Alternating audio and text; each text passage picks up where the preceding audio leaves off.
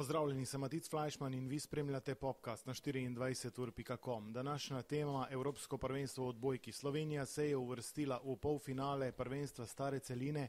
O tem in eh, seveda o vsem tem, kakšne so tudi možnosti Slovenije za naprej, kakšna je bila igra doslej, kje so rezerve. Z enim in edinim Jasminom Čutoričem. Jasmin, lepo pozdravljen. Lepo zdrav. Uh, malce si utrujen, verjetno ta dvojna funkcija kar naporna. Na eni strani predsednik BVK Koper odbojkarskega kluba, na drugi strani uh, si se podal tudi v žensko odbojko, odbojkarski klub Logatec. Uh, koliko sploh časa ostane? To je verjetno tako zelo naporno, kot je bilo v tistih najboljših letih. Ja, moram priznati, da je kar naporno, vendar stvari potekajo zelo gladko v, v Koperskem klubu, ker sem predsednik.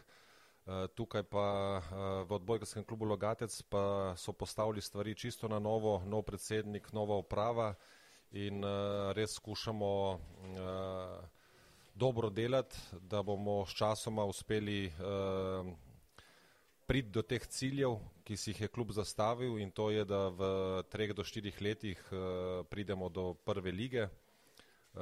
Klub ima res vse pogoje za, za dobro delo in uh, verjamem, da bomo skupaj uspeli doseči ta cilj. Torej, rojen si za začetke na novo. 2017 se je pridružil naši ekipi kot strokovni sodelavec, takrat tudi čisto na novo. Hitro si se vnesel, bi rekel, vsaj tako po mojem občutku in potem bil samo boljši in boljši in verjamem, da bo takšna zgodba tudi na obeh funkcijah, eh, kjer si. Torej srečno ti želimo v Kopru in pa seveda v Logacu, kjer bo igrišče glavno merilo. Midva pa se preseliva na teren rezerviran za slovensko izbrano vrsto. Skupinski del je šel bolj gladko kot vsa leta doslej.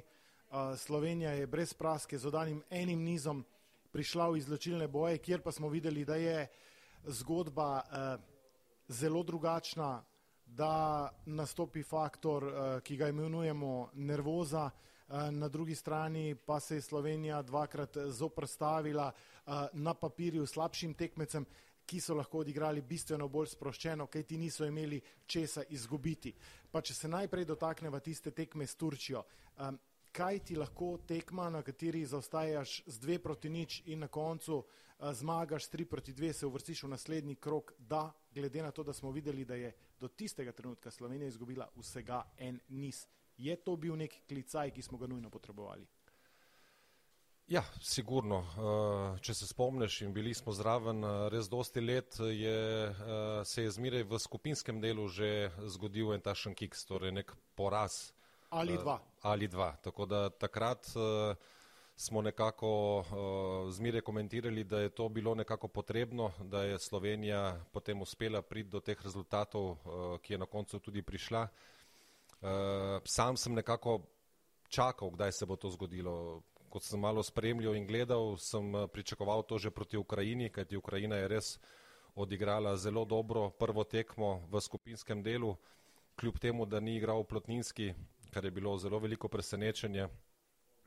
Uh, in uh, ko sem gledal to tekmo potem proti Turčiji, je res bil ta malo na trenutke prisoten ta šok. Uh, kajti upal sem res, da, da se bodo naši fanti pobrali in uh, to so tudi potem naredili. Res z ekipno uh, igro, z požrtvovalno igro, za vsako žogo, če se spomnimo, kako je tako Klemen tudi šel skoraj v tribune, pa rešil tisto žogo uh, in na koncu so naši tudi dobili tako piko, take, take točke te potem vrnijo v igro, uh, vrnijo ti na smeh na obraz. Uh, in uh, s takimi majhnimi točkami, torej ne, ne tako v napadu, kot, ampak z požrtvovalno igro v obrambi, so se naši fanti dvignili in potem res, uh, hvala Bogu, pripeljali to tekmo do, do zmage. In še uh, težko se otresemo ne, nekega drugačnega naboja, ki je bil prisoten na tej tekmi. Na eni strani selektor Alberto Giuliani, vrsto let je bil Slovenci.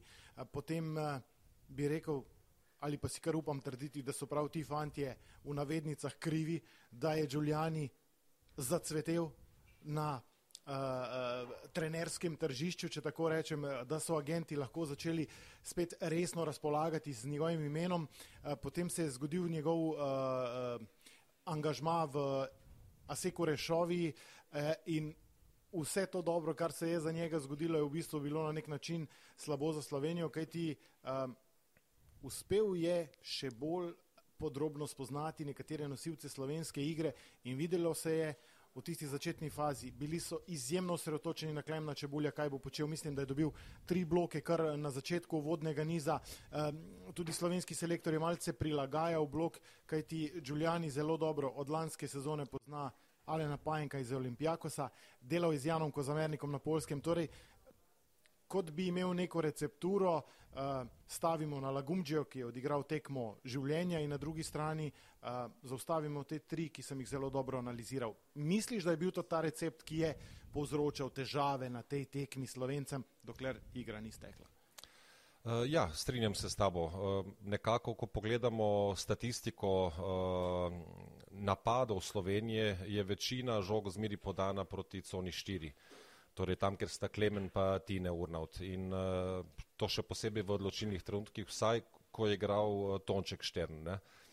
In uh, če potem gledamo statistiko naših centralnih uh, napadalcev, vidimo, da dobijo tistih 5-6 žog na tekmo, torej zakaj bi se nek selektor odločil za taktiko na centru, če ve, tudi če bo ta, ta center udaril žogo brez bloka, bo na koncu zopet podana žoga v cono 4. In uh, ta taktika je nekako delovala na začetku, naši nikakor niso našli rešitve. Uh, moram podariti tudi to, da nekako v teh prvih dveh setih sem pogrešal naš napadalni servis, ki, ki ga nekateri igravci imajo. Uh, vse to se je pa potem spremenilo potem na koncu v, v tretjem setu, kljub temu, da so naši še vedno malo zaostajali, so potem reagirali, so potem pritisnili začeli, spremenili malo način igre in uh, se potem na koncu pobrali. Uh, če pa govorimo o nasprotni ekipi, torej vedeli smo, da bo Logumđija dobil največ žog, uh, to sem tudi mogoče malo pogrešal pri naših fantih, uh, torej to nekako taktično usmeritev, da, da pustiš, torej da center kar gre na Lagumđijo, to smo videli, da so dosti krat centri zamujali, kajti Lagumđija igra zelo hitre žoge, predvsem v cono 2, In uh, to, bom rekel, na koncu so prišle res zopet te naše kvalitete, ta naša mirnost uh, so prišle do izraza. Turčija je v tistih odločilnih trenutkih nekako, veš, nisi favorit, ne? veš, da, da nisi favorit. Ampak ko potem, ko si tako blizu zmage, ko začneš razmišljati, da lahko zmagaš, takrat se ti malo tudi roka zaustavi. In to se je zgodilo enkrat Lagumdži, enkrat se je potem zgodilo to pri podajaču, ki je podal slabo žogo in dve točke v tretjem setu pomenijo res ogromno. Naši fantje pa so res uh, toliko izkušeni, da so potem to tekmo res mirno pripeljali do konca. Ja, Lagumdžija me je kar spomnil na uh, Cvetana Sokolova izven forme v nekih trenutkih, ne, ko vemo, da tiste žoge namesto da jih zaključi, končajo v mreži, kar je skoraj neverjetno, ko vidiš, eh, kako uspešen je bil skozi celotno tekmo. Ta tekma je bila, rekla bi, neka šola, neka um, pozitivna streznitev pred izjemno, izjemno neugodno Ukrajino, uh, čeprav pogosto rečejo, jah, vse so pa samo Ukrajinci, ne, sej nimajo Eh, neke silne tradicije, eh, ko govorimo o nastopanju na največjih tekmovanjih, pa smo lani zelo dobro spoznali to ukrajinsko izbrano vrsto v četrtfinalu svetovnega prvenstva. Sprehodili so se najprej v osmini finala mimo nizozemcev, tu v Stožicah, potem pa zelo neobremenjeno odigrali rekel bi, eno njihovih najboljših partij proti Sloveniji, takrat sicer izgubili, ampak pokazali, Ukrajina je še kako trdno na evropskem ali pa svetovnem odbojkarskem zemljevidu in uh, njihova Usik in Plotnicki uh, kot levičarja zagotovo ena najbolj neugodnih napadalcev za praktično vsako obrambo. In še ena stvar se je zgodila tik pred uh, Evropskim prvenstvom, so ti Ukrajinci močno, močno namučili uh, zmagovalce lige narodov, Poljake, tri proti dve na prijateljski tekmi, kjer Poljakom ni bilo lahko.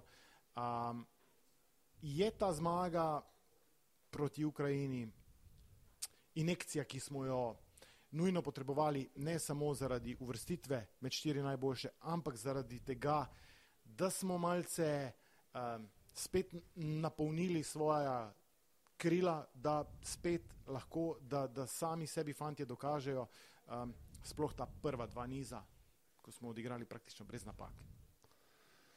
Uh, ja, vsaka taka tekma ti da, uh, še posebej, ko govorimo o izločilnih bojih, uh, ti da neko dodatno samozavest, torej neko dodatno uh, prepričanje v to, uh, kar, uh, kar je bil cilj, torej da lahko greš do konca. Uh, cel čas smo nekako čakali, kdaj se bo Ukrajincem odprlo in kako bodo naši fantje odreagirali.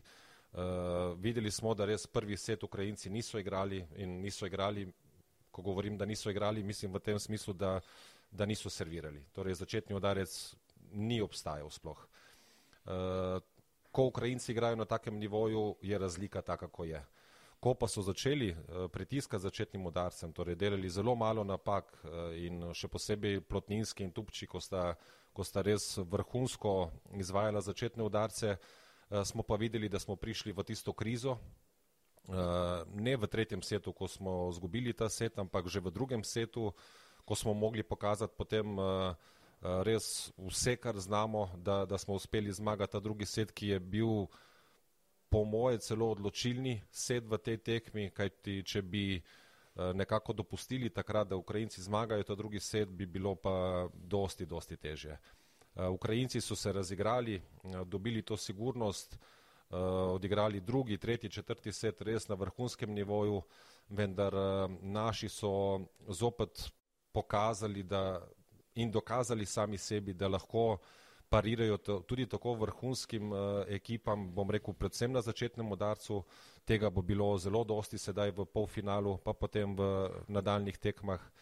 In to je bila res ena vrhunska priprava na ta Final Four v Rimu, kajti tam uh, sedaj sicer še ne vemo, kdo so nasprotniki, ampak uh, tam so res najboljše ekipe v Evropi ta trenutek, uh, ki izvajajo vrhunski začetni udarec. Eh, naši pa so pokazali na tej tekmi, da lahko tudi z slabšim sprejemom nekako s to mirno igro, igranje v blok, eh, zaščito, potem pridejo do teh eh, točk, ki, ki so jih pripeljali do zmage. Um, zdaj, priprava na levičarje uh, bi morala biti zdaj že vrhunska, uh, tudi iz tega aspekta bi rekel, da Slovenci ne sme presenetiti nič več. Um, slovenski blok na trenutke deluje tako fantastično, da um, človek komaj verjame, da bloka ne more prebiti nihče. Uh, v skupinskem delu je bilo to izjemno dobro vidno, tudi na trenutke na tekmi s Turčijo, včeraj v tistem uvodnem nizu. Je slovenski blok že pokazal, vse, kar zna in zmore, ali imaš občutek, da bi lahko bilo to eno dodatno orožje slovenske izbrane vrste, zdaj, ko gre za res, za res. Ja, mislim, da naš blok zelo, zelo dobro funkcionira, ko igramo nek, na neke enostavne akcije, torej visoka žoga, uh, počasnejša podana žoga, takrat in ko zamernik in pajenk lepo priključita zraven, postavita roke čez in takrat je res zelo težko uh, iti mimo bloka. Ko pa, je, ko pa je idealen sprejem in sedaj, ko smo videli tudi proti Turčiji pa Ukrajini, ko igrajo hitro žogo, takrat nekako zmeri čakajo in uh, reagirajo, torej ne grejo prej, torej ni tiste odločitve taktične in tukaj pa smo videli, da imamo ogromno problemov. Tako da bodo s temi taktičnimi zamislimi pomagali centralnim blokerjem, uh, da bodo te odločitve pravilne, Eh, pa tudi če včasih niso, no, zdaj ne morejo biti zmeraj pravilne, ampak da vsaj, ko se nekaj odločiš na tako hitro žogo, da potem si tam. In potem je dosti lažje igrati igralcem v obrambi, uh, pa zdaj ne govorimo zmeraj o aktivnem bloku, ampak tudi lahko pasivni blok pripomore potem do teh kontranapadov, v katerem so naši pokazali že, da so res vrhunski igralci. In um, napad, tudi če na trenutke ne deluje tako, kot bi si želeli, če a, se blok dobro pripravi, bodi si na roka, bodi si na klemna, bodi si na tineta. Uh, se mi zdi, da ti igravci imajo to želeno raven samozavesti, da jih blok dva ali pa trije ne presekajo, da ima reprezentanca moč, da tudi Žiga Štern, ki vstopi, lahko adekvatno nadomesti vsaj tistih nekaj trenutkov, ki jih selektor potrebuje, da malce sprosti igralca, ki morda v nekem trenutku dvoboja ni um, razpoložen. Uh, ja, mislim, Žiga je že večkrat dokazal letos, da lahko uh, v določenem trenutku uspešno nadomesti bilo katerega igralca na, te, na tej poziciji. Uh, kar pa se tiče teh uh, stvari, ki si govoril glede napada naših fantov, vidimo, da večinoma pri vseh teh najboljših reprezentancah, tako Nikola Grbič kot Andreja Džani, kot tudi naš selektor, eh, v teh težkih trenutkih, posebno ko eh, nasprotna ekipa dobro izvaja začetne udarce in pri teh potem posledično visokih podajah, govori o mirnosti napada. Torej, demo igrati v blok, demo igrati zaščito, pa magari, da moramo to ponoviti dvakrat, trikrat. Tega pri niže rangiranih reprezentancah ne vidiš, ampak to je kvaliteta vrhunskih ekip. Torej, res ta potrpežljivost, naši so to že pokazali, tudi ostale reprezentance znajo to delati. Torej, to delaš toliko časa, dokler zopet ne dobiš te idealne situacije, ker lahko potem odigraš vse. In na takšen način se potem lahko pomaga uh, Klemnu, Roku, Tinetu, ko, ko res pridemo v te težke trenutke, uh, da, se, da, se, da ekipa stoji za njimi. Najbolj pomembno je, da napadalec čuti to, uh, da je res siguren, uh, da če bo igral blok, da ga bo potem ekipa zaščitila. In uh, te štiri reprezentance, ki bodo prišli v polfinale, znajo zelo dobro to delati in uh, zato bo vsaka tekma res izjemno zanimiva, kajti tisti, ki bo bil bolj potrpežljiv, bo na koncu se tudi veselil tega zlatega odličja. Um, ena stvar, ki smo jo videli skozi turnir, pa se bojim, da jo bomo vse manj videli, pa zdaj v polfinalu in potem na tekmi, bodi si za tretje mesto, bodi si za zlato medaljo. Um, učinek teh mlajših, ki igrajo manj. Uh, v skupinskem delu je selektor Krecu lahko in prav je ponudil kar veliko priložnosti, uh, vendar le pa zdaj, ko prihaja ta krem de la krem uh, reprezentance evropskih uh, skupaj, pa vidimo, da samo tisti zares najboljši lahko odigrajo, dajo tisto, kar reprezentanca uh, ponuja, oziroma tisto, kar um, reprezentanca mora dati. Uh, vidiš, da bi lahko morda selektor vsaj taktično uh, kakšno tekmo začel s korektorjem, korektorjem, torej z mladim Ujanovičem, nekaj je že pokazal, vidimo, da ima željo, da ima voljo, da ima energijo, definitivno pa o prvem reprezentančnem nastopu na tako velikem tekmovanju, kot je Evropsko prvenstvo. Težko govorimo o nekom, ki je sposoben uh, si ta nahrbnik naložiti in, in uh, dati reprezentanci toliko, kot recimo v tekmi, kot je polfinale, potrebuje.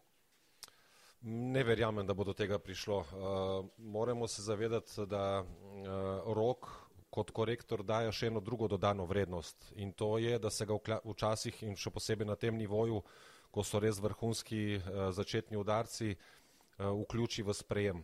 Uh, tako da mislim, da je to za, za ta nivo tekmovanja to zelo, zelo pomembno.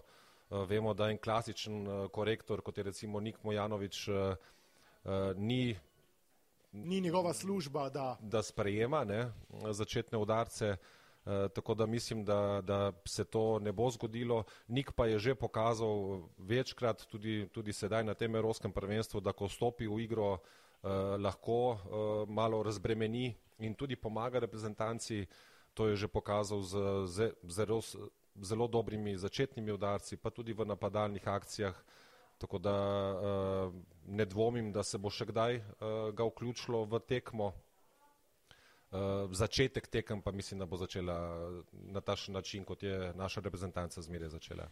Igra s tremi sprejemavci oziroma bomo rekli z Rokomožičem kot korektorjem uh, ti lahko ogromno da v fazi priprave na nasprotnika oziroma predstavlja kar precejšno težavo za tekmeca, kaj ti nikoli pravzaprav natančno ne ve, kdo bo prevzel to vlogo sprejemalca, korektorja, kdo ne.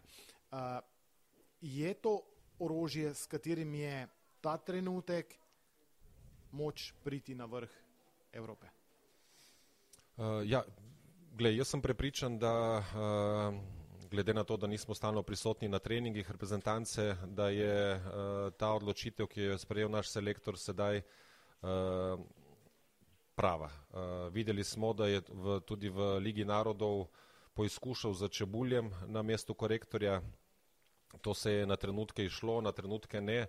Uh, potem so to spremenili, dali zopet Klemna na sprejem, pa roka na mesto korektorja. Uh, vidimo, da je ta učinkovitost roka eh, boljša, tudi po statističnih podatkih in rok je tudi, lahko rečemo, zelo dober v bloku v, v tej coni, kjer on blokira, postavlja res mirno roke, je zelo visok v bloku in tam vemo, tako kot imamo mi probleme recimo v napadu iz naše cone 4, ko imamo neke visoke blokerje, tako imajo tudi druge reprezentance sedaj probleme, kajti ko postaviš roka pa pajenka ali pa roka pa kozamernika v blok, tam ni tako enostavno iti mimo. Tako da mislim, da je to dobro preštudirano, dobro natrenirano in uh, kot sem rekel še prej, uh, rok je potem še dodatna uh, res dodana vrednost v obrambi, kajti vključi se ga lahko tudi v sprejemalne akcije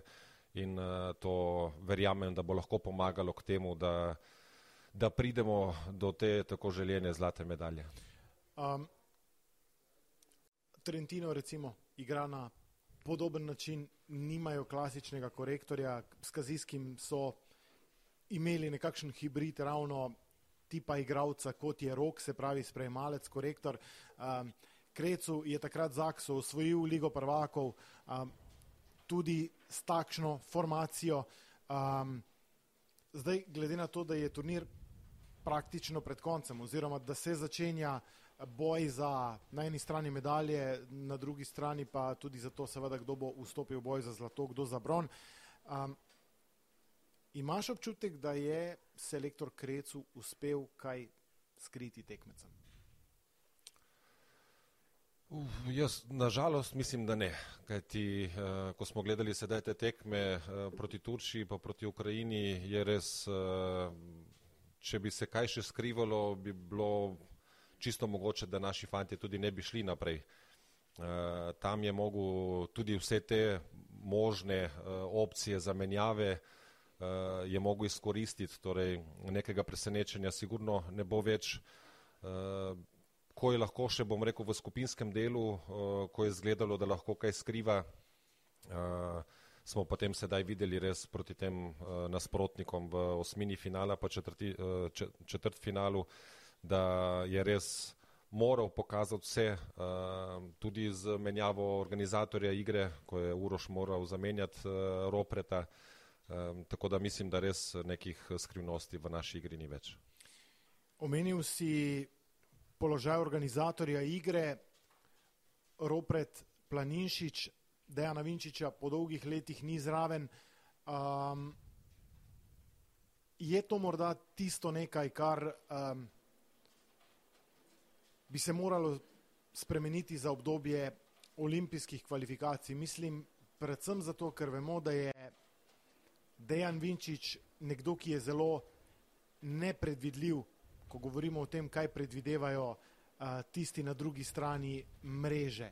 Uh, oba podajalca dobro izkoriščata svojo priložnost, vendar lepa vemo, da je Dejan Vinčič nekdo, ki je pomemben tako na igrišču, kot v slačilnici, kot v trenutkih, ko ne gre, kot v trenutkih, ko je vse super. Ja, meni je iskreno zelo žal, da Dejana ni zraven, eh, pač ta njegova poškodba je bila res huda. Nekako so potem v strokovnem štabu ocenili, da, da ni še pripravljen za to evropsko prvenstvo.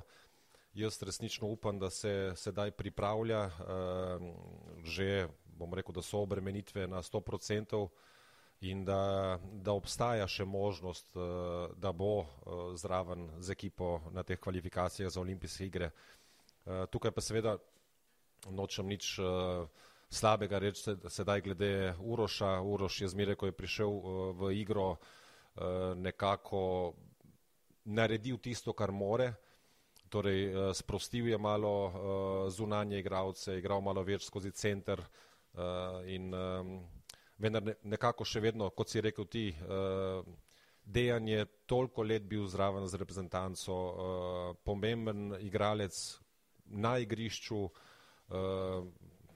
to pa, da je potem še v slačilnici pa izven igrišča, da se nekako ta drži to ekipo skupaj, je pa njegova res ogromna kvaliteta, ki, ki bi pomagala lahko tej reprezentanci, da potem res pridemo do tega željenega cilja po Evropskem prvenstvu in to je, da se uvrstimo na olimpijske igre. In prej je potrebno dokončati Evropsko prvenstvo. Ne vemo še, kdo bo tekmec Slovenije v polfinalu. Um, bo pa zagotovo ali Poljska ali Srbija. Um, koga bi si osebno bolj želel? Um, Poljaki so konec koncev neka v navednicah stalna stranka Slovenije v polfinalu. Slovenija jih je premagala na Wagnerjevem memorialu. Eh, pred eh, začetkom Evropskega prvenstva. Eh, so to Poljaki ali misliš, da bi Srbi Slovenija lažje igrala? Glej, sigurno bi Slovenija lažje igrala proti Srbiji. Kljub temu, da, da naši fantje že kar nekaj let sedaj za povrstjo zmagujejo Polsko na, na velikih tekmovanjih, imam občutek, da nekako Poljakom ne leži naša igra. Uh, kljub temu, da se, da se ve, ker zdaj se reprezentanci tako poznajo med sabo, uh, na vsaki tekmi, ko igramo proti Poljakom, vidimo, kako naši fantje dajo še tistih enih 10% več. Uživajo za res. Tako, ne? tako, ja. Torej, ne, ne bom govoril o motivaciji, kajti na vsaki tekmi moraš biti motiviran, govorimo le o, o evropskih prvenstvih, pa svetovnih prvenstvih, torej res najvišjih tekmovanjih, ampak nekako imam zmeri ta, ta občutek, da naši fantje dajo več. No. In Poljaki pa, ko vidijo to ne, in skušajo slediti temu, niso sposobni slediti temu ritmu. In uh, zaradi tega uh, nekako, ja, rekel sem, da bi proti Srbiji lažje igrali, ker pač Srbija za moje pojme trenutno ni na takem nivoju, kot je Slovenija pa Poljska. Uh, kljub temu, da imajo res nove igralce, torej zelo kvalitetne igralce, daleč od tega, uh, ampak ne verjamem, da je Srbija prvič sposobna premagati Polsko. Naši pa potem verjamem, da bodo zopet uživali in uh, dali tistih 10 ali pa 15 odstotkov več, kot smo videli do sedaj in da se bomo zopet veselili tega finala. Ampak pri Srbih je še en faktor prisoten, ne, um, ki pa bi lahko bil oteževalna okoliščina za Slovenijo in to je nesojeni slovenski selektor pred prihodom eh, Marka Lebedjuja, Igor Kolakovič, ki dobro pozna reprezentante, veliko jih je treniral eh, pri ACH voleju, eh, konec koncev z nekaterimi igralci je bil dolgo v stiku, tudi v tisti fazi prepričevanja, da prevzame Slovenijo. Um, koliko misliš, da bi lahko Kolakovič naredil to tekmo bistveno težjo za Slovenijo, ko govorimo v neki fazi priprav na Srbijo, če bo seveda Slovenija se morala pripravljati na Srbijo. Glej, videli smo že, kaj pomeni, uh, ko igraš proti bivšemu selektorju. Ne? Torej, uh, Giuliani, kakorkoli so vsi misli, da, da bo to tekma pač s Turčijo, da bo to enostavna, bom rekel, kauč majstri. Uh, vidimo, kaj lahko en selektor da, reprezentanci in kako se lahko pripravi na tekmo, če je treniral te fante nekaj let. Ne. Torej, kakorkoli je to smešno zaslišati, ampak nekako, ne bom rekel tisto do 20 točke, ampak po 20 točki nekako ta, ta šablona, ki obstaja v vsaki reprezentanci, tam se ti pripravljaš, torej na to zaključ, zaključni del seta in uh, videli smo, da so bili Turki res zelo, zelo dobro pripravljeni. Ne pa še ne samo od takrat, ampak že od samega začetka tekme. Torej, en selektor lahko da res ogromno, uh, seveda pa on ni na igrišču. Torej, ti moraš imeti kvalitetne igralce na igrišču, da lahko potem sledijo tem smernicam, ki jih selektor zastavi. Uh, verjamem, da Poljaki so sposobni po kvaliteti temu slediti, uh, Srbi pa po moje malo težje, kajti kot sem rekel, to je res kar dosti novih igralcev, še posebej na, uh, na sprejemu. In, uh, uh, kot pravim, ne verjamem, da lahko presenetijo polsko reprezentanco, pa kljub temu, da, da Poljaki nimajo neke prve šestorke. No. Jaz sem gledal zdaj njihove tekme, uh, selektor Nikola Grbič non-stop rotira, ne. non-stop neki poizkuša, torej lovi pravo šesterko in je nekako, sam imam takšno občutek, še ni našel. Ima pa res toliko kvalitetnih igralcev, da. Ne veš, je klop boljša ali je tisto, kar vidimo na igrišču. Tako, boljša, in mislim, da bi lahko prav ta daljša klop proti, uh, uh, na tekmi proti Srbiji uh, prinesla uspeh pol, Poljakom. Ja, čeprav Srb vodi Poljake, ne, tudi to bo verjetno zelo, zelo napeto. Uh, pa še ena stvar je pri Poljakih. Poljaki igrajo zdaj uh, prvo evropsko prvenstvo. Brez uh, tistega dežurnega za najzahtevnejše delo, ne, od uh, igrišča do dvigovanja navijačev, do provociranja uh, Mihala Kubjaka. Um, vsem nam je šel ne, zelo, zelo na živce, ampak um, očitno ima Grbič ravno zaradi tega, ker nima takšnega karakterja v svoji ekipi, da je on ta D karakter, ne, uh, kot selektor, da ne najdete idealne uh, postave, ker se mi zdi, ko je Kubjak je imel vse pritisk na se, um, so drugi funkcionirali bistveno boljše, čeprav nek Barto Škurek vemo, da ko se je njemu zalomilo, ga ni dvignil niti Kubjak, niti 12 tisoč ljudi v spodek v Katovicah. Ja, Kubjak je res bil tista stalnica v, v šestorki polske reprezentance. To imaš prav, to je bil nezamenljiv, sedaj tega več ni. Je pa polska reprezentanca dobila z drugim korektorjem oziroma sedaj že prvim korektorjem veliko dodano vrednost. To je igralec, ki je že dvakrat, sedaj ali celo trikrat zmagal Ligo prvakov. Ne? In nekako prej ni nikdar dobival možnosti. Uh, torej, tega sam niti nisem dosti razumel.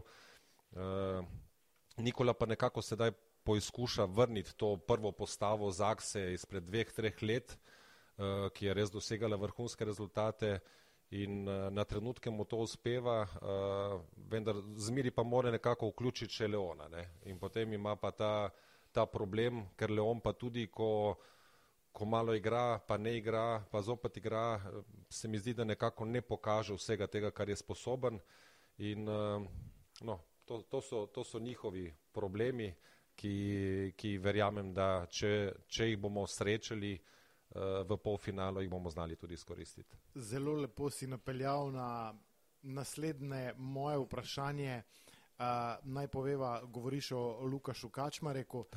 Um, ne vem, če veš, pa sem prepričan, da veš, uh, Lukaš Kačmarek je bil sprejemalec, ki ga je v korektorja transformiral prav slovenski selektor uh, Georgi Krecu, kar pomeni, da bi lahko, če že govoriva toliko o teh bivših selektorjih in njihovem impaktu na potem uh, tekmeca, uh, imel kar uh, sladke skrbi, če dobimo Poljake. Uh, podajalec takrat je bil ta Januš šele v prihajanju, kaj ti igral je to njuti, uh, Kačmarek, uh, Aleksandr Šljivka in še in še in še, tudi mislim, da je Zatorski takrat igral še v Zaksi, ne še v Oseku, prav pri Krecuju, uh, torej nekako si res želimo teh Poljakov. Ja, tega Matic res nisem vedel. No, super, da še lahko jaz zdaj tebi kaj ja. sugeriram. Tako da, uh, ja, glej, uh, vse pravim, to je vrhunska ekipa sestavljena iz uh, igralcev, ki so že zmagovali res naj, največ, kar je možno. Torej, da zmagaš ligo prvakov in to toliko krat za povrstjo, to mislim, da je pred kratkim uspelo le Trentinu, ampak to govorimo že res nekaj let nazaj. Uh, torej, težko je sedaj govoriti, uh, kdo je favorit recimo v tej tekmi, če Poljaki pridejo v polfinale. Uh, kajti, kot sem rekel, igraš res proti najboljšim, uh, ki so se že dokazali, da so najboljši na svetu. Naši so vseeno uh, igrajo v drugih klubih, ki nekako nimajo te možnosti, da, da posegajo po teh visokih rezultatih v Ligi prvakov, vendar naši so zmeri potem pokazali, da so eno ravno više. Ne? Tako, tako. In predvsem v, teh, v, teh, v tej igri ekipe, no? ker veš, vseeno, ko govorimo prej, da nimaš zamenjave, neke prave ali karkoli, ampak tukaj na ta način gradiš to ekipo, ki, ki igra ena, ena za drugega v polske reprezentanci pa tega dosti krat ne vidimo, prav zaradi teh menjav, ki se res zelo pogosto dogajajo in uh, tam zdaj nismo v slačilnici, ne vemo, kaj se dogaja, vendar neko prijetno vzdušje tudi ne more biti, če ti igralec, ki je zmagal Ligo prvakov, potem sedi na klopi zaradi nekoga, ki si ga premagal v Ligi prvakov, ne, to mislim na Leona, uh, in uh,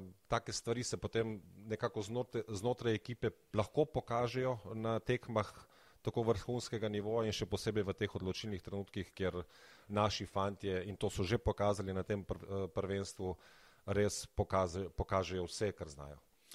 In uh, morda me občutek vara, um, morda me bo polfinalni dvoboj demontiral, če bo seveda do njega prišlo, ampak zdi se mi, da italijani s Fefehem de Giorgijem na klopi pa so ta trenutek eno mini stopničko nad vsemi. Uh, verjetno si jih spremljal, uh, niso še pokazali vsega, kar znajo, ampak užitek jih je gledati, uh, vsaka menjava doprinese nekaj, uh, hitri, atraktivni, uh, Juri Romano, Alessandro Micheleto, blok jim funkcionira, uh, sprejem funkcionira, kot da bi bili to tisti uh, francozi, ki so tako dolgo, ena generacija seveda, navduševali in bili v sprejemu nerešljiva uganka za tekmece. Ja, jaz sem res spremljal tudi italijansko reprezentanco, tiste prve dve, dve tekme, ko so odigrali, to je bilo brez tekma, brez napak in na, na nivoju, ki ga po moje nobena reprezentanca ni še pokazala na tem evropskem prvenstvu. Um, so pa potem tudi imeli par problemov, ko je FFE začel malo eksperimentirati. Pa, to rad dela.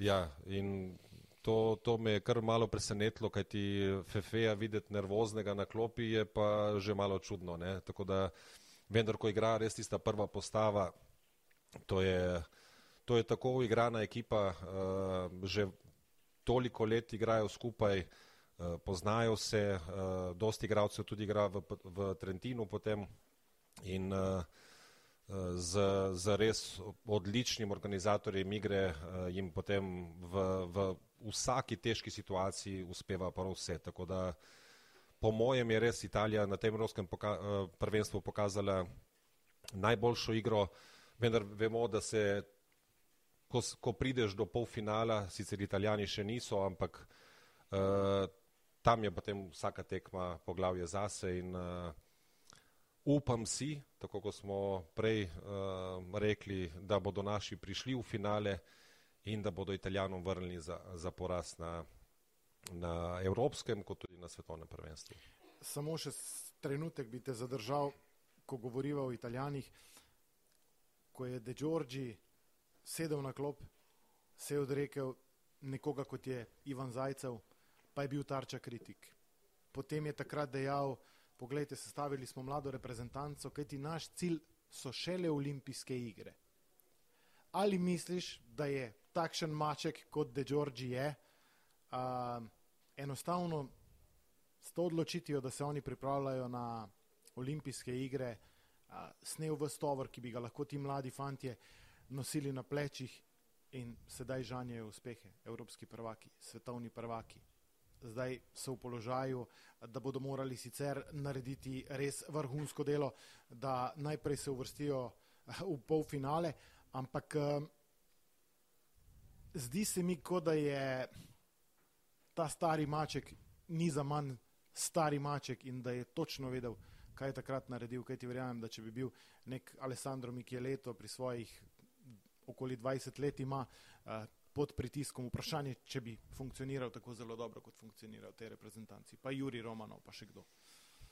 Ja, jaz sem prepričan, da je bil to njegov cilj, vendar ne samo do ekipe, ampak tudi do sebe. Kaj ti kot trener, uh, če si bi ti takoj zastavil cilj, evo, prevzel sem reprezentanco, pa moram biti evropski prvak, moram biti svetovni prvak, tudi on kot trener bi verjetno malo drugače deloval na ekipo, ne bi bil zmeri tako nasmejan, tudi ko zaostajaš za 3-4 pike, torej reakcije bi sigurno bile drugačne na treningih, kot tudi potem med timeouti na tekmah.